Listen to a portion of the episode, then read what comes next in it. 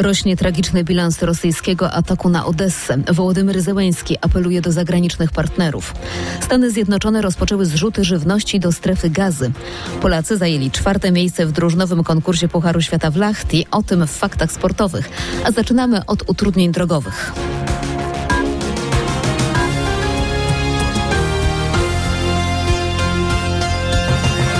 Dwie osoby zostały ranne w wypadku na A1 w Świętosławiu w Kujawsko-Pomorskim w pobliżu Lisewa. Auto osobowe dachowało. Zablokowany został jeden pas jezdni w kierunku Łodzi. Ratownicy w Odessie wydobyli spod gruzów ciała matki i trzymiesięcznego dziecka. Liczba ofiar śmiertelnych nocnego ataku Rosji wzrosła do siedmiu, poinformowało Ministerstwo Spraw Wewnętrznych Ukrainy.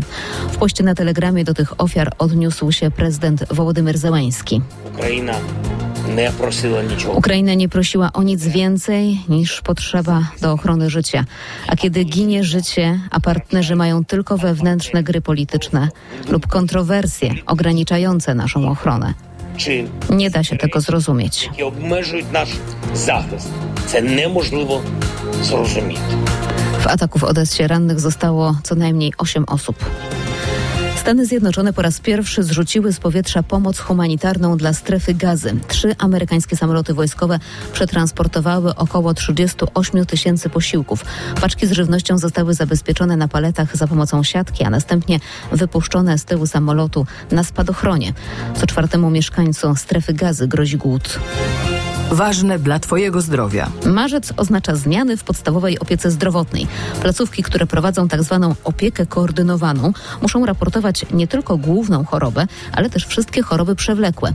Jedną z takich poradni odwiedził nasz reporter Michał Dobrołowicz. Michale, jaki ma być efekt takich nowych przepisów? To mają być dokładniejsze informacje o pacjentach, którzy coraz częściej niestety mają więcej niż jedną chorobę i lekarze diagnozują u nich jednocześnie na przykład cukrzycę i problemy z sercem. Opiekę koordynowaną w całej Polsce prowadzą obecnie prawie 2000 poradni POZ, czyli jedna trzecia wszystkich tego typu placówek. Tam pacjenci mają zapewniony dostęp nie tylko do lekarzy rodzinnych, lecz także na przykład właśnie do kardiologów czy diabetologów, opisuje profesor Agnieszka Mastalerz-Migas. Możemy pacjentowi założyć holter ciśnieniowy możemy zrobić echo serca.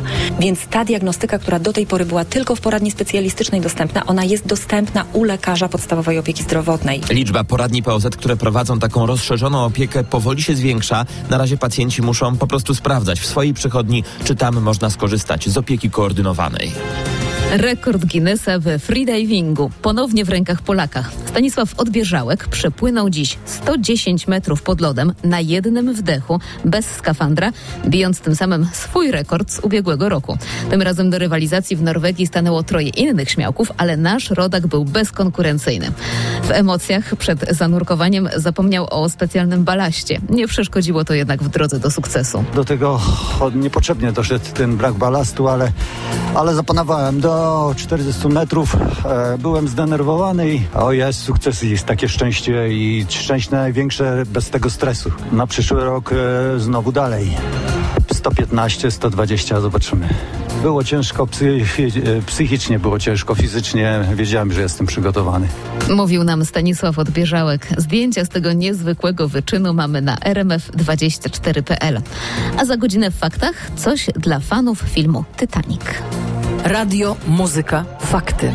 RMF FM. Fakty sportowe i Wojciech Marczyk. Dobry występ polskich skoczków w konkursie drużynowym Pucharu Świata w Lachti. Biało-czerwoni skaczący w składzie Żyła, Kot, Stoch i Zniszczą zajęli czwarte miejsce. Wygrali bardzo pewnie, ze sporą przewagą Norwegowie przed Austrią i Niemcami. Najlepiej w naszej reprezentacji skakał dziś Aleksander Zniszczą, który w drugiej serii pofrunął daleko, bo 130 metrów, ale jak podkreśla nasz skoczek, dziś cała reprezentacja może być z siebie zadowolona. Każdy z nas wniósł do tego y, siebie i, i swoje serce i na pewno każdy z nas może być dzisiaj zadowolony z pojedynczych lub nie z wszystkich prób. Mówił w rozmowie z, Eurosport, z Eurosportem Aleksander Zniszczą. Z zimowego Lachti przenosimy się na wiosenne boiska rodzimej Ekstraklasy, a w niej porażka lidera w Zabrzu. Jagiellonia przegrała z Górnikiem 1 do 2. To już druga porażka w tym e, roku zespołu z Podlasia. Mm, Porażkę rywala może wykorzystać się Śląsk Wrocław, który gra właśnie z Widzewem. No i po 76 minutach spotkania prowadzi mm, 1 do 0 po golu Nahuela z rzutu karnego. No i jeżeli takim wynikiem zakończy się ten mecz, no to zespół z Dolnego Śląska odejmie, obejmie samodzielne prowadzenie w tabeli i będzie miał trzy punkty przewagi nad Jagiellonią, ale jak na razie Śląsk musi bronić się przed zawziętymi atakami Widzewa, który chce wyrównać. Jastrzębski Węgiel, pierwszym finalistą siatkarskiego Pucharu Polski w półfinale turnieju rozgrywanego w Tauron Arenie w Krakowie. Zespół z Górnego Śląska pokonał pewnie 3 do 0 Bogdankę Luk Lublin. Wcześniej rozgrywany mecz może być przewagą mistrzów Polski w jutrzejszym finale. Możemy usiąść do hotelu, możemy się e, oddać w ręce naszych e, fizjoterapeutów i odpoczywać, a, a nasi statystycy i nasz sztab może przygotowywać się w jakiś sposób na nadchodzącego rywala. Mówił środkowy Jastrzębskiego Węgla Norbert Huber, a na parkiecie krakowskiej hali trwa drugi półfinał. Aluron CMC Warta Zawiercie gra z projektem Warszawa. Jak na razie Aluron prowadzi 2 do 0. Za chwilę początek trzeciego seta. Max Verstappen doskonale rozpoczyna nowy sezon Formuły 1. Holender wygrał wyścig o Grand Prix Bahrajnu, ale do tej informacji wrócimy w faktach sportowych za godzinę.